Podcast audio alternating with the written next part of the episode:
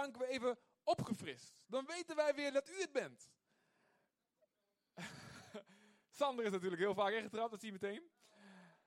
En dat is heel vrijgevig van hem. Maar dan kom je dus op een nep-site. Moet je voor de grap gewoon eens proberen. Nee hoor, grapje, dat moet je niet doen. Dan kom je op een nep-site en soms... eh, ja, heel goed Jamie. nee, we praten na de dienst, dat komt goed. Wil je wat zeggen? Is het heel belangrijk?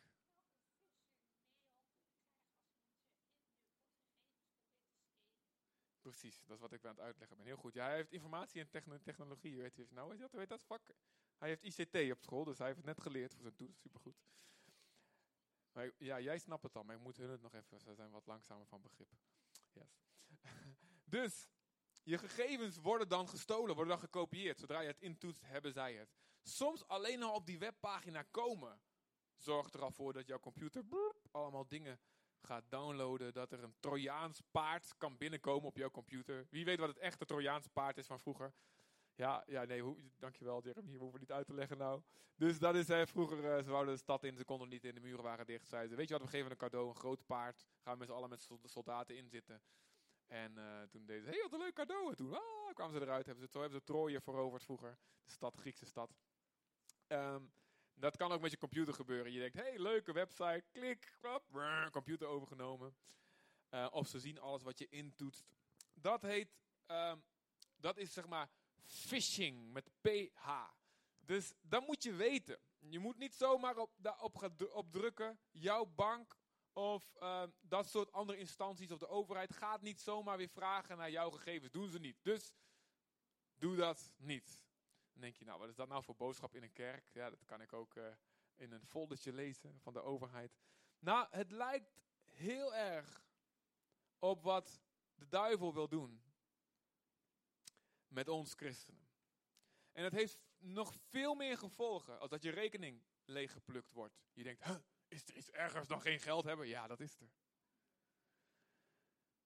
Je hebt een, het meest kostbare bezit wat er bestaat in het universum, heb jij op dit moment. En het is, jij hebt een ziel. En sta stil bij hoe bijzonder dat is. Jij hebt een ziel. Je hebt een eeuwig bestaande ziel. Niet eeuwig in de zin van zonder begin, maar wel eeuwig zonder eind. God heeft geen begin en geen eind. Wij hebben wel een begin, maar geen eind. Iedereen die je tegenkomt, heeft geen eind. Zal altijd bewust blijven van zijn of haar bestaan. Het is het meest kostbare wat je te beschermen hebt. Het is zo kostbaar dat zowel God als de duivel erachteraan zit. En God in zijn liefde, omdat hij ons deze eeuwig geliefde, door hem geschapen, door hem gewilde ziel bij zich wil hebben en eeuwig geluk wil schenken en laten delen in wie hij is. En wil laten lijken op hem voor eeuwig. En Satan, omdat hij iedereen mee wil slepen in zijn val, hij weet dat zijn oordeel gekomen is. En God heeft met een bepaald doel om ons te vormen uiteindelijk naar Gods beeld. Om op, Je- als Jezus, op Jezus te laten lijken, heeft hij, staat hij de Satan binnen beperkte mate toe om zijn werk te doen. Jij hebt het meest kostbare wat er is.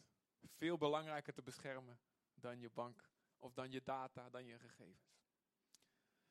Je hebt ook, naast phishing heb je ook skimmen. Wie weet wat dat is, skimmen.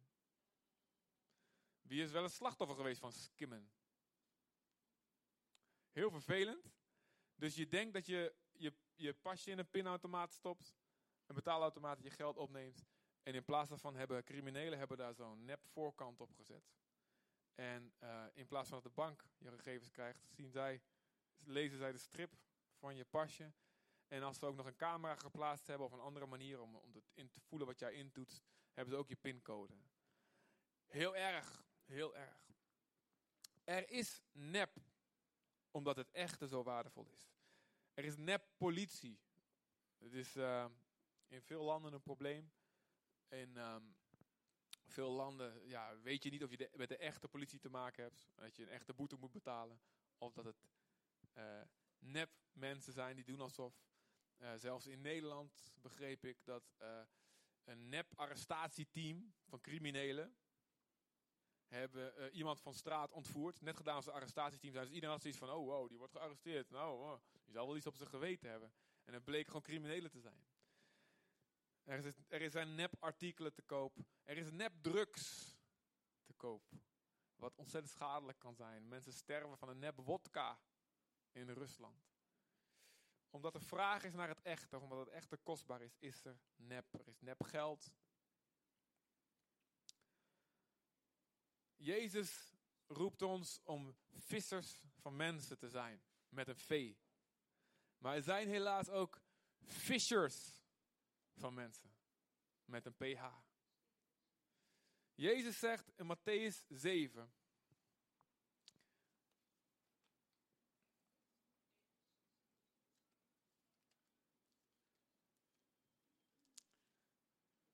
Zegt hij, wees op uw hoede voor de valse profeten die in schapenvacht naar u toekomen, maar van binnen roofzuchtige wolven zijn. Aan hun vruchten zult u hen herkennen. Men plukt toch geen druif van doornstruiken of vijgen van distels of papaya's van bananenbomen. Zo brengt iedere goede boom goede vruchten voort en een slechte boom brengt slechte vruchten voort. Een goede boom kan geen slechte vruchten voortbrengen. Een slechte boom kan geen goede vruchten voortbrengen. Iedere boom die geen goede vrucht voortbrengt, wordt omgehakt en in het vuur geworpen. Zo zult u hen, die valse profeten, dus aan hun vruchten herkennen. Niet, ieder die tegen mij, niet iedereen die tegen mij zegt, Heere, Heere, zal binnengaan in het koninkrijk van de hemelen. Maar wie de wil doet van mijn Vader, die in de hemelen is. Velen, velen zullen op die dag tegen mij zeggen, Heere, Heere, hebben wij niet in uw naam geprofeteerd in uw naam demonen uitgedreven en in uw naam veel krachten gedaan. En dan zal ik hun openlijk zeggen, ik heb u nooit gekend, ga weg van mij, u die wetteloosheid werkt. We hadden eh, van de week even een akkefietje eh, met mensen die we e- even de wacht aan moesten zeggen. Ehm, als je er niet veel van gemerkt hebt, geen probleem. Als je daar vragen over hebt, kom gerust daar eventjes over. Ehm, maar het is soms nodig om mensen de wacht aan te zeggen. Er zijn eh, valse ja, profeten in verschillende gradaties. Sommigen bedoelen het goed, maar ja, zijn zelf een beetje misleid. Anderen bedoelen het slecht. Ehm, goed, ik wou er eigenlijk niet over hebben. Ik dacht, ehm de andere preek voorbereid. Eh, maar los hiervan, ik merkte dat God in gedachten kwam. Je moet, je moet de gemeente onderwijzen over, eh, je moet de gemeente waarschuwen dat er nep is. En eh, later pas kwam ik erachter dat het ook het thema is voor het leiderschapsuurtje van de leefschool. Jezus wil dat wij gewaarschuwd zijn. Jezus zelf waarschuwt voortdurend tegen valse leraren, valse profeten. In verschillende gradaties. En alle apostelen, Paulus, Petrus, Johannes, Judas, Jacobus, allemaal die een Bijbelboek op hun geweten hebben, waarschuwen tegen valse leraren, valse profeten. En God wil blijkbaar dus dat wij hiertegen gewapend zijn. En wil dat wij dit kunnen herkennen. Wil dat wij niet alleen oudsten en leraars, maar ieder gemeentelid hier op zijn plek, de positie die je hebt. En of je nou hier blijft, of dat je straks misschien naar Nederland en weer in een nieuwe situatie komt. God wil dat, we, dat je gewapend bent. God wil dat je volwassen bent. God wil dat je weet, hoe moet ik dit nou beoordelen? Dan zullen we het woensdag nog wat dieper op ingaan. Maar ik geloof echt dat God wil dat ik jullie hiervoor toerust. Dat we hier uh, zuiver over leren denken. Door wat we niet gefisht worden, genept worden. En onze ziel, of die van anderen, tot buiten gemaakt worden. Jezus waarschuwde voor de fariseërs. Hij waarschuwde voor het zuurdeeg, dat is de leer. Iets wat klein begint, wat uiteindelijk een heel stuk brood deeg doorzuurt. Van de Sadduceeën was weer wat anders. De fariseërs, daar bedoelde hij mee de leer van hypocriet zijn, keihard je best doen om aan de buitenkant iemand te zijn, maar van binnen helemaal niet God eren, maar de eer van mensen zoeken. De leer van de Sadduceeën was de leer dat er geen bovennatuurlijke wereld is. Je, je, God is er wel, je dient in dit leven God, maar daarna ga je dood. Er is geen opstanding, er zijn geen engelen. Jezus zegt, pas daarvoor op, het is een valse leer en het, en het vernietigt je geloof hier op aarde. Je, eh, Paulus waarschuwde voor eh, in de, de, de Galaten. Hij zei, jongens, jullie zijn helemaal van het pad af. Jullie hebben te vergeefs Jezus aangenomen. Jullie verliezen nu alles omdat jullie eh, weer die valse leer aannemen. Dat je de hele wet van Mozes moet houden. Ook als niet-Joden. Dat je moet laten besnijden. En in de Colossense, de kerk in Colosse, leert, waarschuwde hij, jongens, er komen mensen bij jullie binnen. En die zeggen, je moet je houden aan alle vaste dagen, aan alle feesten. Je moet je houden aan alle voedselwetten. In zijn, zijn discipel, Paulus had een junior apostel die hij in training had, in opleiding had. Timotheus, die was in Efeze, kerk die Paulus had gesticht. Paulus moest weer weg en liet Timotheus daarachter. Hij zegt, pas op voor gasten die het huwelijk gaan verbieden. Die extra radicaal willen zijn. Die zeggen, ja, ik ben zo radicaal, ik ga niet trouwen. En eigenlijk mag niemand trouwen. Want Jezus komt snel, wat doe jij? Die zo uit balans raken. Dus de apostelen waarschuwen voor mensen die extra geboden bovenop wat God vraagt, er bovenop leggen. Wetticisme heet dat. Extra wetten. Aan de andere kant waarschuwen de apostelen ook voor die de andere kant op vliegen. Die zeggen, ja, je hoeft juist helemaal niks te doen. Judas, die waarschuwt, er zijn stiekem mensen de kerk binnengeslopen. Die de genade van God omkeren in losbandigheid. Die zeggen, God is genadig, dus je hoeft helemaal niet meer op te letten wat je doet. Je kunt gewoon lekker erop los leven, want God vindt alles goed. In verschillende gradaties. Ook Petrus in de tweede brief waarschuwt daartegen. Paulus waarschuwt in 2 Timotheus, waarschuwt tegen, tegen een aantal valse leraren die zeggen, de opstanding, die is al geweest. Je hebt het niet gemerkt, maar die is al geweest. Je had het niet door, hè? Ja, en je hoort er niet bij. En het geloof van de mensen werd daardoor afgebroken. In Johannes waarschuwt tegen verschillende dingen, onder andere mensen die zeggen, je weet je, God is helemaal geen mens geworden. Jezus, ja, dat is, was een soort schijn, verschijning. Je dacht dat hij er was, maar het was eigenlijk een spook. Um, daarna zijn er ontzettend veel golven van rare doctrines over de kerk gekomen. Onder andere het Arianisme. Hele stammen van de Germanen hebben daarin geloofd. Die zeiden, ja, Jezus is een geschapen wezen. Jezus is, is een, eigenlijk een verhoogde engel die door later door God verhoogd is. En de moderne versie daarvan zijn de Jehovah's getuigen. Vandaag de dag leren ze dat nog steeds. Er kwamen mensen die leerden, eh, dat heet het gnosticisme, die zeggen, jongen, al het aardse, al het stoffelijke, al het materiële, dat is eigenlijk vies en onrein en onheilig. Daar moet je eigenlijk niks mee te maken hebben. Je moet je, je lichaam helemaal, of ze zeiden, je moet je lichaam helemaal verwaarlozen. Je moet, ze gingen helemaal extra rot eten, gingen ze eten, zo verrot mogelijk. Hè? Ze gingen zichzelf helemaal pijnigen. Weet je, je moest je lichaam helemaal verachten. Anderen zeiden juist, joh, je kunt met je lichaam doen wat je wil. Je kunt naar de hoeren. Je kunt uh, lekker uh, drinken. Je kunt helemaal losgaan. Want wat met je lichaam gebeurt, maakt niet uit. Je geest, die blijft daar helemaal buiten. Er gebeurt niks mee. Je had een kerel die heette Marcion. Uh, en die zei, joh, de God van het Oude Testament is een slechte God. Dat is een mindere God, de God van het Nieuwe Testament van liefde. Die willen we hebben. Die van het Oude Testament van wraak en toorn en oorlog en zo. Dat is allemaal fout. En die ging zelfs uit het Nieuwe Testament ging je allemaal dingen knippen. Nou, dit is niet echt van Paulus. Uh, natuurlijk kwamen daarna ontzettend veel theorieën. Die, uh, dit zijn theorieën die zijn um, bestreden en zijn verslagen. Maar er zijn ook heel veel dingen die de kerk binnen zijn gekomen, maar die niet zijn verslagen. Onder andere het idee dat er naast Jezus, dat er nog andere tussenpersonen zijn tussen de mens en God. Bijvoorbeeld Maria of een heilige voor elk gebed of voor elke dag. Um, de islam is een, natuurlijk een van de grootste gevolgen geweest van dat valse leringen in de kerk voet aan de grond hebben gekregen. Mohammed heeft ontzettend veel contact gehad met Joden, met christenen. Hij heeft veel verhalen ook uh, opgenomen die vanuit de apocryfe boeken kwamen, die um, buiten bijbelse verhalen. En uiteindelijk is dat behoorlijk uit de hand gelopen. En eigenlijk zou je de islam een soort uh, afsplitsing van het christendom op die manier kunnen noemen. Een andere is het mormonisme. Je ziet ze wel eens in die, misschien zit je op de fietsjes hier, door over het eiland gaan en een nette pakken met een stropdasje.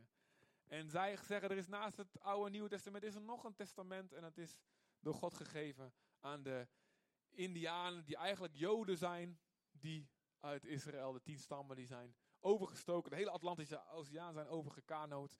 Daarna zijn getransformeerd in de Indianen.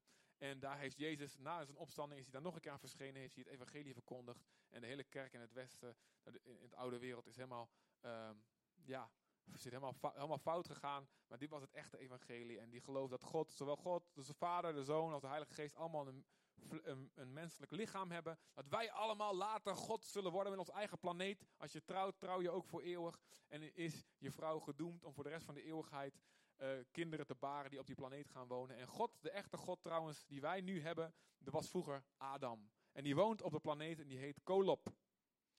En denk je, dat is heel erg grappig, maar miljoenen mensen geloven dit. Miljoenen presidentskandidaten in Amerika geloven dit. Stephen Covey, The Seven Habits of Highly Effective People. Goed boek, wie heeft hem gelezen? Management. Was een mormoon. Er is ontzettend veel wat dat betreft. Jezus zegt ook, er zullen vele valse leraren komen, vele valse profeten. Velen zeggen zelfs, die zeggen, die ik ben de Christus. En als ze nou bedoelen dat ze zeggen, zij zelf zijn de Christus, of ze zeggen, nou, Jezus is wel de Christus, maar... En zegt, pas op voor al die valse profeten, voor al die fishers van mensen. En het kunnen dus zijn, het is net waar jij vatbaar voor bent. Ben jij vatbaar voor um, hard werken, meer dingen doen, radicaliteit, dan kan het zijn dat jij doorslaat in wetties. Dat je denkt, nou ik moet allemaal duizenden dingen doen de hele dag om God blij te maken. Anders ben ik geen, of geen goede christen of zelfs helemaal geen christen. Als jij vatbaar bent voor de andere kant, dan kan het zijn dat je meegesleurd wordt met een, idee, met, met een theorie die zegt van, joh, maakt eigenlijk allemaal niet uit wat je doet, want God is toch zo lief. God is een soort Sinterklaas. De zak naar Spanje, dat is allemaal van vroeger. Wie, ken jij iemand die ooit in een zak naar Spanje? De hel, ach joh. En die zelfs de hele hel wegverklaren. En die zeg, of die zeggen de hel, ja, het is eigenlijk niet zo erg, het is niet zo eeuwig. Of uh, ja, iedereen wordt uiteindelijk verzoend met God, al of niet met een vage vuur. Allemaal dingen die niet in het woord staan. Um, er zijn mensen die zeggen het werk van de Heilige Geest is helemaal gestopt in deze tijd. Cessationisme, een moeilijk woord voor stoppen in het Latijn. Er zijn mensen die andere kant op slaan. En die noem ik niet charismatisch, want dat ben ik ook. Maar die zijn charismagisch. Die zeggen alles wat er gebeurt, elke wind die waait, dat is allemaal demonen. als je je lamp van je fiets of van je auto het niet doet, dan moet je daarvoor bidden en handen opleggen. Dus je kunt aan alle kanten naar links en naar rechts doorslaan. En God de Vader zegt, ja, je hebt gekke dingen wat dat betreft hoor. Ik kan heel veel leuke verhalen over vertellen. Um, of je nou naar links of naar rechts van het pad af gaat, je kunt van het pad af. En Jezus wil dat je daarvoor gewaarschuwd bent. En door internet komen heel veel dode ketterijen of doctrines die dood waren, die, die succesvol zijn bestreden door de gemeente, door de kerk, door geestelijke leiders, die komen weer tot leven. Want er is geen filter meer. Er is geen drempel meer om iets te publiceren. Je had vroeger, als je iets wou uh, openbaar wou maken, moest je naar een uitgever. En die moest goedkeuren. En als je zei, nou, dit is totale onzin. Laat maar. Of je moest naar iemand hebben die jouw cassettebandjes wou verspreiden. Nou, dat gebeurde, kwam nog wel eens wat door de keuring. Maar nu, weet je wel, uh, iedere mafkees met wifi, die, die, die, die laat dingen op, zeg maar, op het internet. En het is, tot elke uithoek van Vanuatu tot en met Papua Nieuw-Guinea, Mozambique is het te lezen. En er is geen drempel meer. En daarom moeten mensen extra getraind worden. Daarom is er nep nieuws. En daarom dan wordt er weer een, een instantie opgericht die moet nepnieuws bestrijden. Maar dat blijkt dan het verkeerde nepnieuws te hebben bestreden. Ingewikkeld wordt het dan, hè? Ja, we moeten zeggen, dit is, dit, is, nep. Blijkt niet nep te zijn. Oh, zijn we zelf nep? Ah, weet je wel? Moeilijk. Last, is ook lastig deze tijd, ja toch? Want, en, en, en, en uh, je hebt allerlei uh, samenzweringstheorieën. De mensen zijn nooit op de maan geweest. 11 september is door Amerika, door Israël, zelf gedaan. Zodat Bush in oorlog kon beginnen, want hij zat in de olie. Weet je wel? Iedereen kan. En je maakt YouTube-filmpjes ervan. Je zet wat muziek eronder. En, en mensen geloven het. Mensen lopen ermee weg. We moeten opgeleid worden, mensen. Hoe denken we na? En vaak zijn we intellectueel een beetje lui. Of we hebben weinig tijd. En we denken, nou, of iets komt ons heel goed uit. Dat is leuk om dat te geloven. Dat komt mij wel goed uit, want dan hoef ik dit niet meer te veranderen, kan ik dat doen. we moeten opgeleid worden. En net zo wil God dat wij opgeleid zijn. Want we kunnen zeggen, ook in de kerk, ook wat het betreft een lering die rondgaat of een persoon, dit is nep en we kunnen het zelf fout hebben. Persoon blijkt goed te zijn. Hoe kunnen we dat nou toetsen? Naast dat er allemaal valse leringen zijn, zijn er ook heel veel, en zeker als je veel, en jullie hebben allemaal jullie zonde beleden net, als je wel eens op internet zit, kom je ook wel eens discussies tegen over dingen waarvan je denkt, wat is dit voor onderwerp? Paulus waarschuwt Timotheus en zegt, um, heb ik de tekst erbij geschreven? Um, nou, ergens in Timotheus, kan het later voor jullie opzoeken, of misschien woensdagavond. Um, daar staat, pas op voor mensen die zich bezighouden met allemaal conflicten en dwaze strijdvragen. Dus domme vragen die ruzie geven. Wijk daarvan af. Dus misschien zeggen ze niet dingen die fout zijn, maar ze gaan het heel moeilijk doen over ja, ik zie dat er daar in de zevende generatie na Abraham, hier in, deze, in het originele Hebreeuws staat er in de kronieken dat daar eigenlijk een komma, maar er moet een punt staan. En, dat, dat, en dingen die niks uitmaken en ze kunnen ruzie maken erover. Over bijzaken. Nou zegt Paulus in die tijd, had hij een hele mooie oplossing voor bijzaken. De een zegt, je mag wel aan de afgoden toegewijd vlees, zeg maar halal of kosher of antroposofisch, hadden we in Zutphen heel veel, antroposofisch ingezegend vlees. Dan mag je wel eten, geen probleem. Ja, je, je bidt er gewoon voor en dan komen toch geen, je slikt toch geen demonen daarbij in. Anderen zeggen, nee, maar als je dat eet, dan word je, word je bezeten en dan komen er dingen in je huis. Dat is eigenlijk een zwak geloof, zegt Paulus, als je dat gelooft. Want God is sterker dan dat. En alles is door God gemaakt, ook die koe. Maar um, als jij daardoor aanstoot geeft, als je daardoor conflicten veroorzaakt, joh, hou rekening met de ander. Het is niet waar, maar hou rekening met, en de liefde is belangrijker dan dat je gelijk hebt. Dat zegt Paulus daarbij eigenlijk. En dan moet je kunnen onderscheiden, wat is nou een bijzaak en wat is een hoofdzaak. dus Paulus zegt, als het niet belangrijk is, ga gewoon kijken, wat is het meest liefdevolle om nu te doen. En sommige mensen maken van die bijzaak een hoofdzaak. Nou, het verschilt per kerk wat een bijzaak is en wat een hoofdzaak. Als jouw kerk gesticht is om een bijzaak, ja, dan krijg je daar gedoe over. hey, is het belangrijk of we samenkomen op zondag of op zaterdag? Dat we de sabbat moeten houden. Ik vind het een bijzaak. We doen wat praktisch is. Ik weet niet, misschien denk je nou, wat is dat voor ketter? Het is zondag. Maar de zevendags Adventisten die zeggen, ja, wij, wij splitsen af, want het moet zaterdag zijn, onder andere. En dan maak je van een bijzaak een hoofdzaak. Paulus zegt, wees met zachtmoedig daarin, en zegt tegen de kerkleider Timotheus, wees zachtmoedig, bestrijd mensen met zachtmoedigheid, zonder trots, zonder veroordeling, maar waarschuw ze wel. En pas op dat die strijdvragen, dat die, dat die, dat, dat die discussies niet uh, mensen gaan besmetten of mensen gaan meeslepen. Of mensen die geïnteresseerd zijn in Jezus gaan afschrikken van nou, moet je kijken hoe die ruzie maken over dit, hier wil ik niks mee te maken hebben. Want die mensen gaan verloren omdat ze Jezus niet vinden uiteindelijk. Maar de mensen die die ruzies maken, die zijn daar een mede verantwoordelijk aan. Hoe zit het met die fishers van mensen? Ik wil duidelijk maken, er zijn verschillen daarbij. Er zijn een hele grote categorie die willen eigenlijk geen kwaad. En die volgen echt ook Jezus. Die houden van Jezus. Die willen zijn wil doen. Maar ze zijn misschien nog een beetje onvolwassen.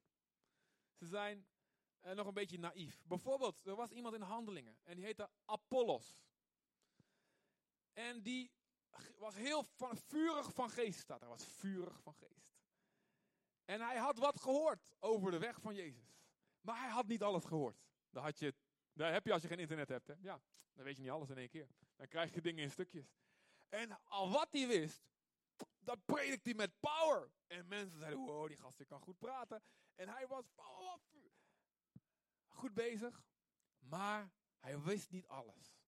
En toen hebben, uh, een stelletje, hoe heet ze? Priscilla en Aquila, dank u wel, Frit. Hebben, die namen hem even apart en die legden hem de weg van God nauwkeuriger uit. En, positief voor Apollos, hij accepteerde dat. Hij zei, oh, te gek, dat wist ik nog niet. En daarin herken je iemand, ook als iemand misschien nog niet alles weet, nog niet alles compleet vertelt, hoe die reageert op als je hem probeert beter uit te leggen, dat bepaalt uiteindelijk welke kant die op gaat. Apollos wordt later een super vette medewerker van Paulus. Schrijft zelfs een van de brieven van het Nieuwe Testament samen met Paulus. Dus dat komt, kan helemaal goed komen. Het, maar Jezus zegt, ja, sommige mensen worden zelf misleid door anderen en misleiden daarmee weer anderen. Er zijn een aantal kerken waar ik best wel verschil van mening over heb. Misschien sommige kerken waar jullie in Nederland naartoe gingen, of weer nog steeds naartoe gaan, of straks weer naar terug gaan. En heel veel van deze mensen beschouw ik van ja, ik denk, ik denk dat er best wel een aantal dingen zijn in jullie lering die niet oké zijn, die ook wel echt schadelijk zijn. Maar ik denk, als dat zo eeuw op eeuw wordt doorgegeven door heel veel mensen die heel veel worden gerespecteerd en je wordt daar helemaal in meegenomen van kind af aan, snap ik heel goed dat je oprecht gelooft, dit is hoe het hoort. Dit is hoe de Bijbel het leert. Natuurlijk denk ik, er moet een moment komen dat je ontdekt, hé, hey, het is toch anders. Maar ik snap dat, dat God daar genade voor heeft. Ik wil daar ook genade voor hebben. Daar moeten we tijd aan geven. Hè? We, hebben hier, we denken hier ook in, binnen de gemeente best wel anders over volwassen doop, kinderdoop. We geloven in volwassen doop 100%. Maar we snappen ook, daar is een hele traditie zit daarachter. En dan willen we niet meteen zeggen, nou, uh, snap je nou nog niet? Nee, we snappen hoe dingen gaan. We snappen, uh, we geloven dat dat... Uh, dat we daar verschil van mening in die, dat opzicht over kan blijven bestaan. Als de kern daarachter, het hart, hey, iedereen moet zich bekeren. Als dat maar blijft staan. En als je niet denkt dat geloof wordt overgeërfd. En doordat ik uh, gedoopt ben als baby, hoef ik niet meer Jezus na te volgen. Als dat maar blijft staan, dan kan je daarover elkaar de ruimte geven. Geloof ik oprecht. Er zijn ook kerken die daar veel fanatieker over doen of mensen. En da, dan denk ik, ja, dat is... Uh, kan tricky zijn. Maar dit zijn dus mensen die het echt Jezus volgen. Die ook helemaal op weg zijn naar de hemel. Maar die in dat opzicht nog, zoals Apollos, extra hulp nodig hebben. En dan is de clue, de crux, dus accepteren ze dat. Maar er zijn er ook andere mensen. Bijvoorbeeld Diotrephes. Wie kent Diotrephes? Wie weet meteen waar ik het over heb?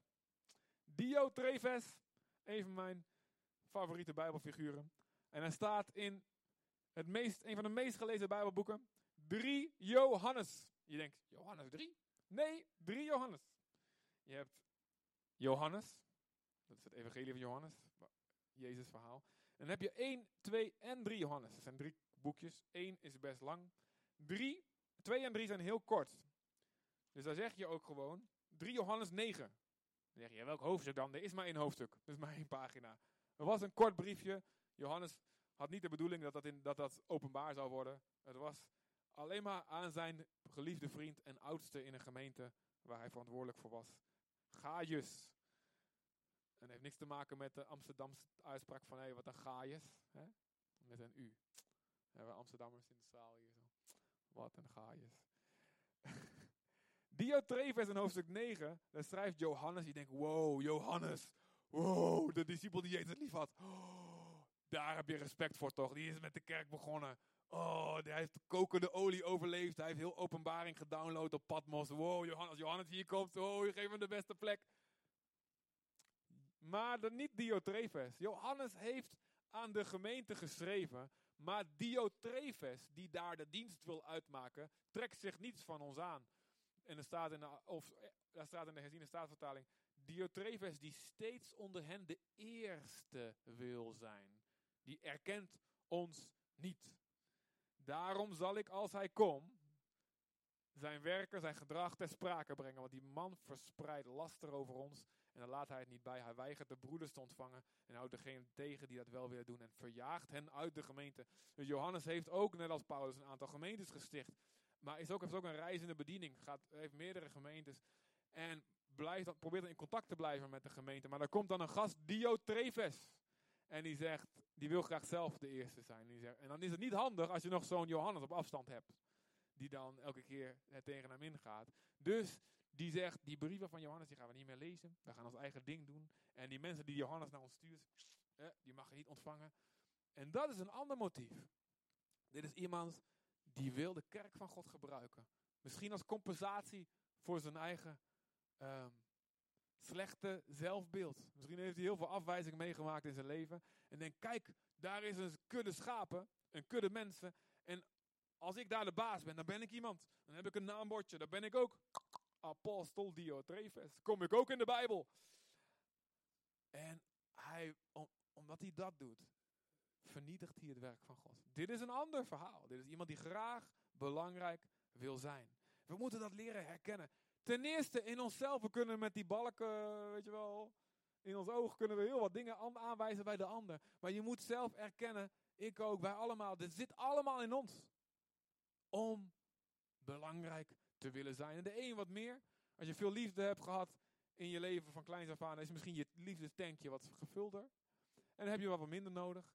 Maar als je, vooral als je dit een verwonding in je leven is, wat dan niet zo opgevuld is door de Heer, of de goede positieve ervaringen die God je geeft, dan kan het zijn dat je dat gat probeert te vullen in plaats van Christ is enough, zeg je nee, Christ en mijn positie in eer van mensen is enough for me. En dat was dus het Diotrephes, eigenlijk een hele zielige gast. Maar je hebt ergens de keuze. Ga ik mijn gat vullen, in mijn hart, mijn verwonding vullen met wat God me geeft? Dat betekent soms dat het dus niet op mijn tijd, op mijn manier komt. Ik ga God vertrouwen. Of ga ik zelf die appel plukken op mijn tijd. En op dat moment zondig je. Doordat je de eer zoekt niet bij wat God je geeft. Maar je gaat zelf met ellebogenwerk een plek bemachtigen. En dit gebeurt heel veel in zowel traditionele als in meer evangelische kerken. Soms denk je het te zien en is het niet zo. Soms zie je het niet en is het wel zo. Sommige dingen zullen pas bij het oordeel bekend maken, zegt Paulus. Bekend worden. Sommige dingen kun je aanvoelen. En wil God dat je aanvoelt in de geest. Naast eerzucht doen dingen mensen ook uit machtszucht, misschien ook. Maar vooral wordt er gewaarschuwd tegen mensen die dingen doen uit hebzucht. Hebzucht. Dat kan iets onschuldiger manier is wat Jezus vertelt. Jezus zegt in Johannes 10, ik ben een goede herder. Maar je hebt ook huurlingen. Die worden even ingehuurd om eventjes voor een schapen te zorgen. Maar als een wolf komt, zijn ze weg. Hallo, ik ga niet mijn leven geven voor even een uitzendbaantje. Come on. En soms heb je ook leiders, die willen wel eventjes salaris opstrijken. Die willen wel eventjes de voordelen hebben van een goede vaste baan. Maar zodra het moeilijk wordt, zeggen ze, hey, kom het schelen jongens. En ze zetten niet hun leven in, zoals Jezus zijn leven inzet tot de dood voor zijn schapen. Dit zijn huurlingen. Maar een echte goede herder herken je. Als het moeilijk wordt, loopt hij niet weg. Als hij iemand moet corrigeren, loopt hij niet weg. Oh, dit is mijn test. Ik hou van aardig zijn. Amen. Ik ben best aardig, toch? Vind je mij aardig? Ja, dat vind ik heel fijn. Maar als ik iemand moet vermanen, dan word ik niet blij. Word ik niet blij. Dus als ik je vermaan, of als ik iemand corrigeer, dan weet je dat ik echt van je hou. Dat is een bewijs. Ik juist ben iemand, wat, was ja. Ik, als ik niet van je hou en ik zie een fout, dan ga ik zeggen, oh, dat is goed joh. en Paulus zegt ook, en heel veel bijbelboeken zeggen dat. Vleien. Weet je wat vleien is? Dat is een beetje een ouder woord al. Moeten we, dus slijmen, niet de waarheid zeggen, is dodelijk, zegt spreuken. Iemand die je naar de mond praat. En er staat, Judas zegt dat er zijn mensen die omwille van voordeel mensen in hun gezicht vleien. En de profeten hebben het daarover. Hè, ehm, in het Oude Testament. En zo is Israël en Juda zijn uiteindelijk in ballingschap gegaan. En wat de profeten zeiden, het is allemaal goed, God is met jullie, vrede, vrede, terwijl er geen vrede is. Oh joh, uh, die Jeremia weer met zijn valse profetie. Nee man, God is niet boos, we zijn hartstikke goed, we hebben toch de tempel, er gebeurt hier niks. Kijk, God gaat die tempel toch niks laten gebeuren. Sluit die Jeremia op, zeiden ze ook nog.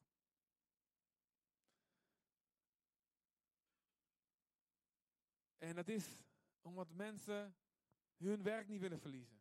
Ze willen hun voordeel niet verliezen. Ze kregen geld en eten. Wiens, wiens brood, hoe gaat dat? Wiens brood men eet, diens woord men spreekt.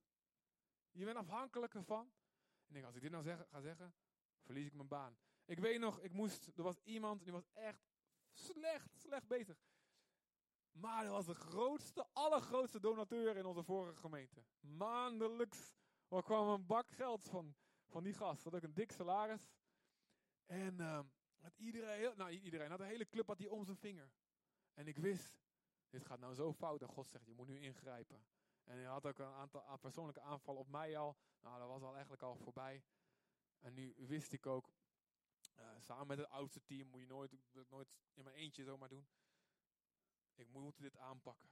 En ik weet nog dat ik echt even moeilijk mee had van, jongen, jongen, dan komt mijn salaris misschien nog wel in gevaar. Als ik deze gast ga aanpakken. Maar je moet, het moet een no-brainer zijn. Je moet zeggen, nee, maakt niet uit man, kom on. Ik, als, ik dit, als ik nu zeg, ik hou hem een beetje in, zodat hij bij de gemeente blijft. Ik wist dat het een test was voor mijn hart. En dat was nodig, het was noodzakelijk. En er kwam weer rust en orde in de gemeente. En de gemeente groeide weer verder. En als leider moet je daar nooit voor kiezen. Maar dat kan ook zijn voor jou als christen. Misschien iemand aan wie je veel materieel hebt. En je moet hem de waarheid zeggen. Wij moeten leren God te vrezen boven alles. En nooit ons laten leiden door hebzucht. Amen. En de valse profeten, Ezekiel 13 vers 3, 22, kun je herkennen aan dit ding. Dit zegt God tegen de valse profeten. Jullie jagen met je leugens onschuldige mensen angst aan, terwijl ik tegen hen geen kwaad in de zin heb. Jullie moedigen schuldige mensen aan en verhinderen dat zij tot inkeer komen en zo hun leven kunnen redden. Dus wat is valse profetie? Eén. Onschuldige mensen zeggen dat God tegen ze is. God is boos op je, je moet nou meer dit, je bent fout in dat. Terwijl je goed, terwijl goed bezig zijn. En schuldige mensen zeggen jullie, jullie zijn goed bezig, ga zo door, klasse, niks aan de hand. En, en die mensen gaan het geloven en denken, oh mooi, hoef ik niet te bekeren. Allebei. Dus het kunnen zelfs goede woorden zijn, alleen toegepast op de verkeerde mensen. Als ik iemand tegenover me heb die zich zo schuldig voelt en die zegt, oh, ik heb gezondigd tegen de Heer. En oh, weet je, ik ben zo de fout ingegaan. Met die, die naar bed geweest en die er ook baalde zo van, verschrikkelijk. En als ik dan ga zeggen, ja, ga je schamen. En het komt nooit meer goed.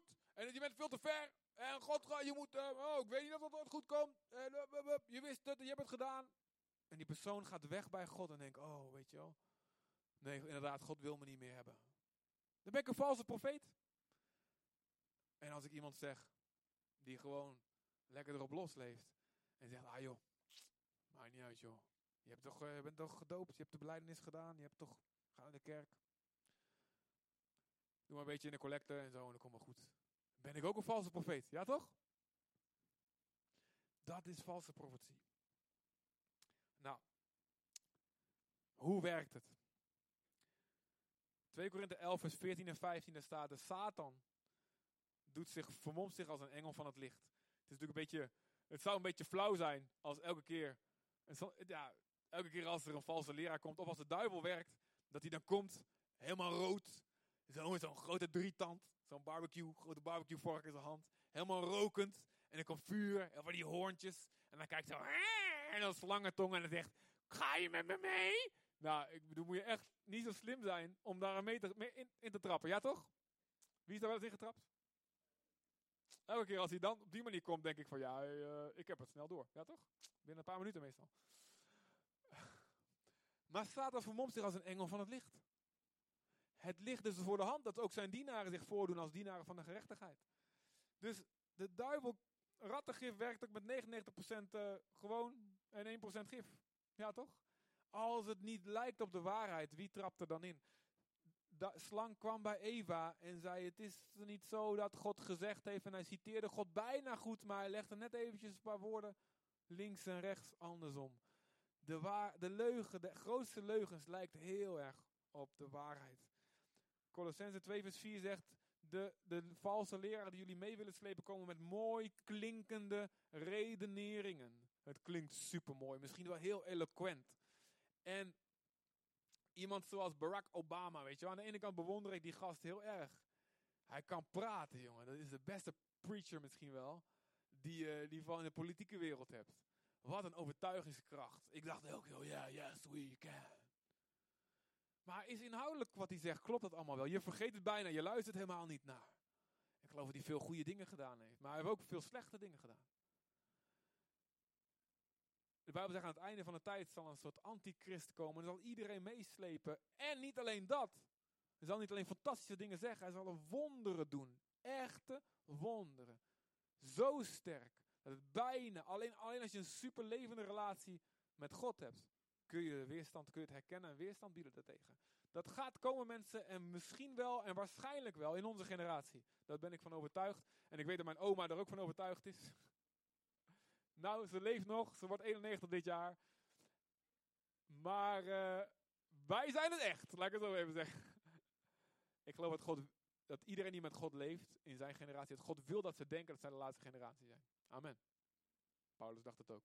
Staat in de Bijbel. En God wil dat. Maar het komt stiekem. Judas, apostel Judas zegt, er zijn mensen binnengeslopen. Niet zo van, hallo, ik ben de valse leraar. Nee, komt zo stiekem zo onder de stoelen. Komt het binnen. En het kan personen zijn die binnenkomen. Het kan ook een gedachte zijn die bij jouw hart binnensluift. Die niet meteen binnenkomt zo bam, nou ga ik eens even van gedachten veranderen. Nee, je gedachten kunnen eroderen. Weet je, erosie? Langzaam slijten. De, dat de grond wegspoelt en de wortels van de bomen loskomen te zitten. En dus Paulus zegt tegen Timotheus ergens ook, valse leraren, een van de dingen die ze doen is ze gaan op zoek naar vrouwtjes. Ik weet niet waarom die vrouwtjes zegt. Misschien omdat ze in die tijd wat minder opleiding hadden. Nu is het andersom. Nu zouden het misschien mannetjes zijn. Mannen zijn wat minder opgeleid tegenwoordig. of die mannen. Zijn we slim? Zijn we slim? Nou goed. Dames zijn in deze generatie in ieder geval een stuk slimmer dan ons, moet ik zeggen. Ja toch? Dames? En mijn vrouw is er niet eens bij. En ik zeg dat, ik beleid dit gewoon zo, maar mijn vrouw is er nou niet. Er staat dat uh, valse leraar gaan, gaan sluipen huizen van vrouwtjes binnen. Die ten alle tijden zich willen laten onderwijzen, maar nooit de waarheid echt willen erkennen. Dat is interessant. Ze willen altijd, vertel me iets nieuws, vertel me iets nieuws. Maar ze doen er nooit wat mee. En deze mensen zoeken dus, deze valse leraren zoeken dus huizen van vrouwtjes om die binnen te dringen. En daar hun ding te doen. Ze zoeken naar mensen die goed gelovig genoeg zijn, naïef genoeg zijn. Of in Petrus zegt, de valse leraar gaan op zoek naar pasbekeerde mensen. Nou, dit heb ik gezien in Zutphen. Honderden pasbekeerde mensen. En we moesten over ze waken, want er stonden ook wolven over, overal als kapers op de kust. We moesten opletten of er niet een of andere gast die we, nou ja, sommigen moesten we de gemeente uitzetten, sommigen zijn uit zichzelf gegaan, dus ze merkten ze kregen geen ruimte. Maar ze stonden aan de rand hoor, stonden ze op te wachten. En als er iemand net gedoopt was, en nou, voor je het wist, hadden ze al contact gelegd. En begonnen ze, weet je wel dit, en weet je wel dat. En sommigen zijn meegesleept, sommigen konden we terugkrijgen. En het was zo chaotisch en zo veel. Vaak was het, je hebt niet altijd overzicht. We moesten dat echt met een heel team, met z'n allen doen. Maar reken maar, de duivel gaat op zoek, zoals de Amalekieten, de achterhoede aanvalt, gaat de duivel op zoek naar de pasbekeerden, de pas, de baby's. Kijk in Mozes tijd, wie pakt de duivel? De baby's. In Jezus tijd, God, eh, de, de, de duivel gaat voor de baby's. En ook wat dit betreft, geestelijk pasgeboren mensen, we moeten over ze waken. Amen. Moeten we samen doen. Want één voorganger of een paar oudsten kunnen niet alles zien. Moeten we samen doen. En één tactiek, Galaten 4 vers 17, is wat Diotrephes ook deed. Hij wil mensen afsnijden van de goede connecties. Om, zodat ze loyaal worden aan hun. Deze anderen, ze zijn vol ijver voor u. Ze doen alles voor u, maar hun bedoelingen zijn slecht. Ze drijven een wicht tussen u en mij, zodat jullie vol ijver voor hun zullen zijn. Dus eerst slecht preken over de ander. Zodat je denkt, oh, oké, die geloof ik niet meer. Maar wie moet ik dan geloven? Geloof mij. Oh, dat komt goed uit. Zo gaat dat. En dan gaan ze mensen als hun buit meevoeren. Wat zijn de gevolgen daarvan? Nou, het begint klein, zoals zuurdeeg, zegt Jezus. Maar het eindigt groot. Kijk hoe klein de islam begon. En hoe groot, hoeveel mensen in duisternis opgroeien. Sorry, ik zeg het gewoon even ronduit. Ik weet dat niet politiek correct is om te zeggen. God houdt van moslims, ik hou van moslims. Maar ze zijn misleid en daar moeten we duidelijk in zijn. Het begint klein, maar het kan ontzettend groot worden. Paulus zegt, valse leraar, leer kan uitzaaien als kanker. En volgelingen die, erin, die er niet uit weggetrokken worden, die gaan verloren. En naar de buitenwereld toe, de weg van de waarheid, zal worden gelasterd. Hoe kunnen we ons hier tegen wapenen? Het allerbelangrijkste is 2 Thessalonicense 2. 2 Thessalonicense 2 vanaf vers 9. Dit gaat over de eindtijd, maar hier zegt Paulus, hier zegt God ons Dit moet je hebben. De komst van de wetteloze mens, dit is de antichrist die aan het einde zal komen, de politiek leider, is het werk van Satan. En gaat gepaard met groot machtsvertoon en valse tekenen en wonderen. Nou is dat een soort uh, mind uh, een soort uh, illusionist. Vals als er niet echte wonderen zijn, of misschien zijn het echte wonderen, want denk aan die gasten bij de farao. Die konden echte wonderen doen, echt een stok in een slang veranderen. En er was geen illusie. Dus ik vind de kans groot, er zullen bovennatuurlijke dingen zijn. En aan allen die verloren zullen gaan, zal hij met zijn kwaadaardigheid verleiden. Want ze hebben de liefde voor de waarheid die hen had kunnen redden niet aanvaard. Waarom gaan ze verloren? Omdat ze de. Nou, even een zinnetje nog. Daarom treft God hen met een verblinding. Ja, is goed, we gaan even verder.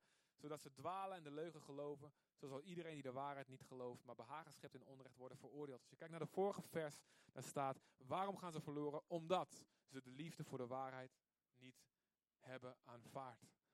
Wat moet je hebben? Liefde voor de waarheid. Dus dat betekent, God spreekt me de waarheid, of ik het nou leuk vind of niet.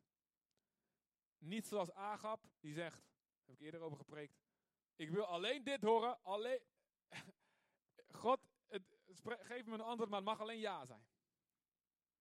Vertel me alleen dat ik goed ben zoals ik ben. Dat ik niet hoef te veranderen, niet hoef te bekeren. Als je dat weet, weet je zeker, je wordt misleid. In de eindtijd en nu.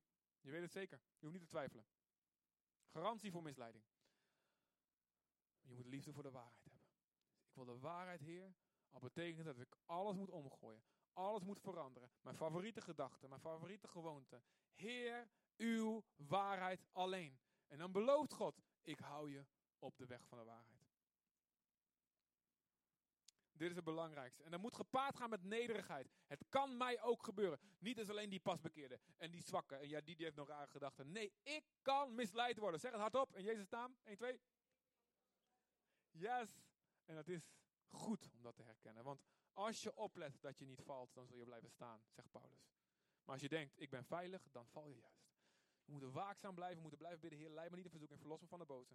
Ik kan misleid worden. Ik moet altijd liefde voor de waarheid blijven houden. Niet één jaar, twee jaar, niet tien jaar tot het einde toe. Het kan mij gebeuren, geboren, gebeuren. En we moeten besluiten, 2 Timotheus 4 vers 3, waarom accepteren mensen valse leer, zegt Paulus daar.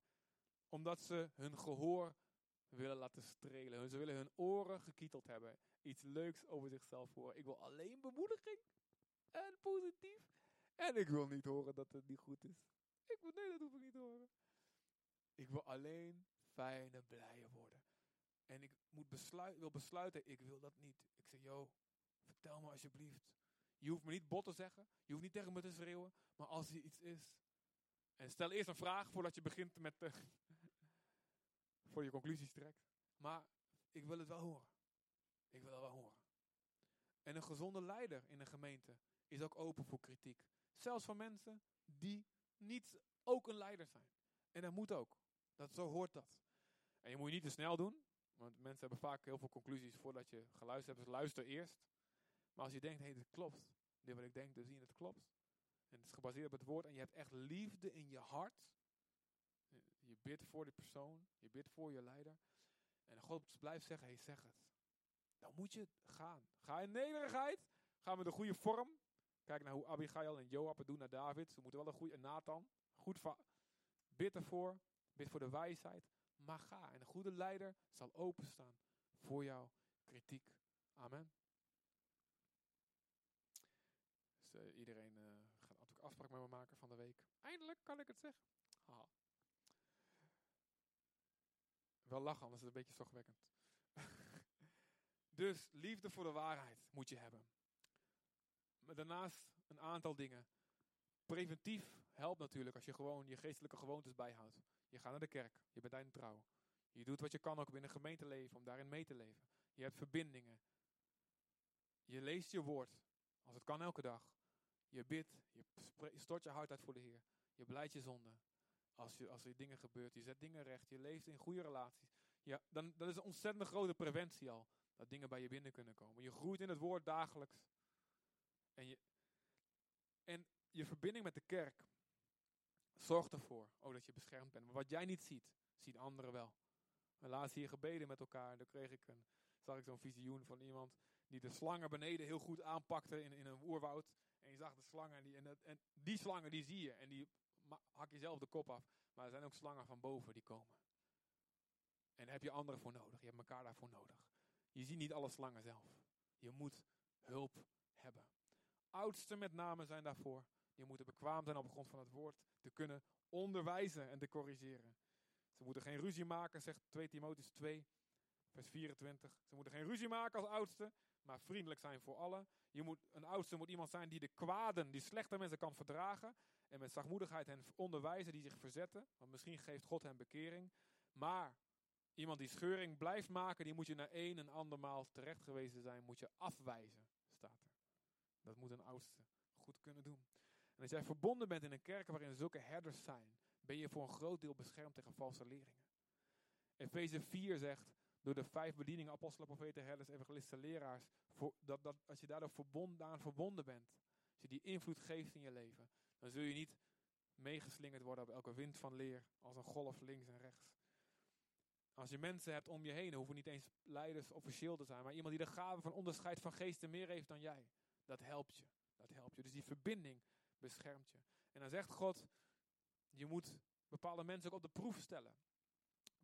Jezus in openbaring zegt hij tegen een aantal gemeentes, hey, jullie zijn goed bezig, want jullie hebben valse apostelen die zeiden dat ze het zijn, maar die het niet zijn, op de proef gesteld.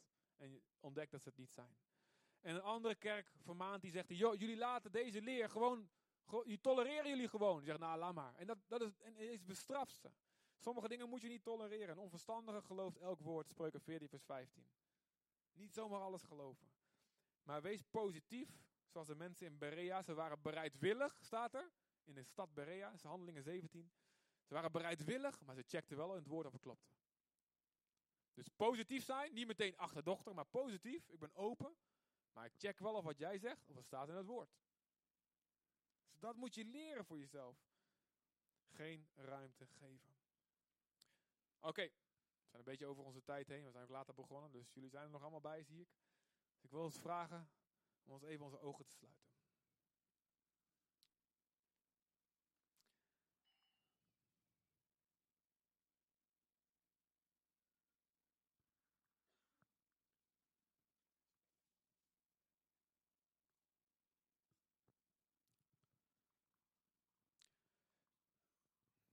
Vader God, Heer, we komen bij u vandaag, Heer. En we willen erkennen, Heer, dat wij u nodig hebben, Heer. Misschien denk je, ik ben al zoveel jaren christen, kan mij niet meer gebeuren. En dan ben je juist kwetsbaar als je dat denkt.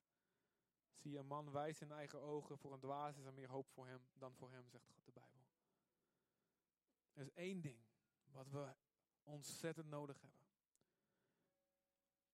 In 1 Johannes 2, vers 24, daar zegt hij, jullie hebben de zalving van de Heilige Geest op je. En die zalving leert jou over alle dingen. En over alle doctrines, personen, discipelen, leiders. En dan heb je niet nodig, als je die zalving hebt, heb je niet nodig dat iemand jou eerst allemaal dingen daarover vertelt, want je voelt zelf al aan, hé, hey, dit is zuiver en dit niet. Dus dat je die zalving hebt, is essentieel. En die zalving staat altijd symbool in de Bijbel voor de Heilige Geest. Voor God zelf, die in je hart woont, die de wet op je hart schrijft. En de Bijbel zegt ook, word vervuld met die geest. Word niet dronken van wijn. Maar word vervuld met de geest en dan ben je zo blij, joh, drank interesseert je niet meer. Want je bent al blij van jezelf. Door de geest van God. Maar dan moet je eerlijk met jezelf zijn, heb ik die salving? Je kunt het één keer hebben gehad, je, het kan lekken. En de vervulling met de geest is iets wat ook de hele tijd weer moet gebeuren. Moet elke dag gebeuren. Dat je gisteren vol was, betekent niet dat je vandaag het bent. Maar misschien heb je ook nooit zoiets meegemaakt. En moet je alles doen met je natuurlijke zintuigen. God wil jou zijn salving geven. En ik wil je vragen, als jij zegt, ik wil die zalving vandaag. Of voor het eerst ontvangen. Of ik wil dat het weer wakker wordt gemaakt. Als jij dat bent, wil ik je vragen gewoon nu te staan op de plek waar je zit. Sta op. En zeg daarmee, daarmee zeg je tegen God, hier ben ik. Vul me met de geest. Voor onderscheid. Of als je zegt, ik wil de stem van God gewoon veel beter verstaan. Zodat ik ook het nep kan onderscheiden. Ook dan wil ik je vragen, ga staan. Staan en gewoon strek je handen voor je uit.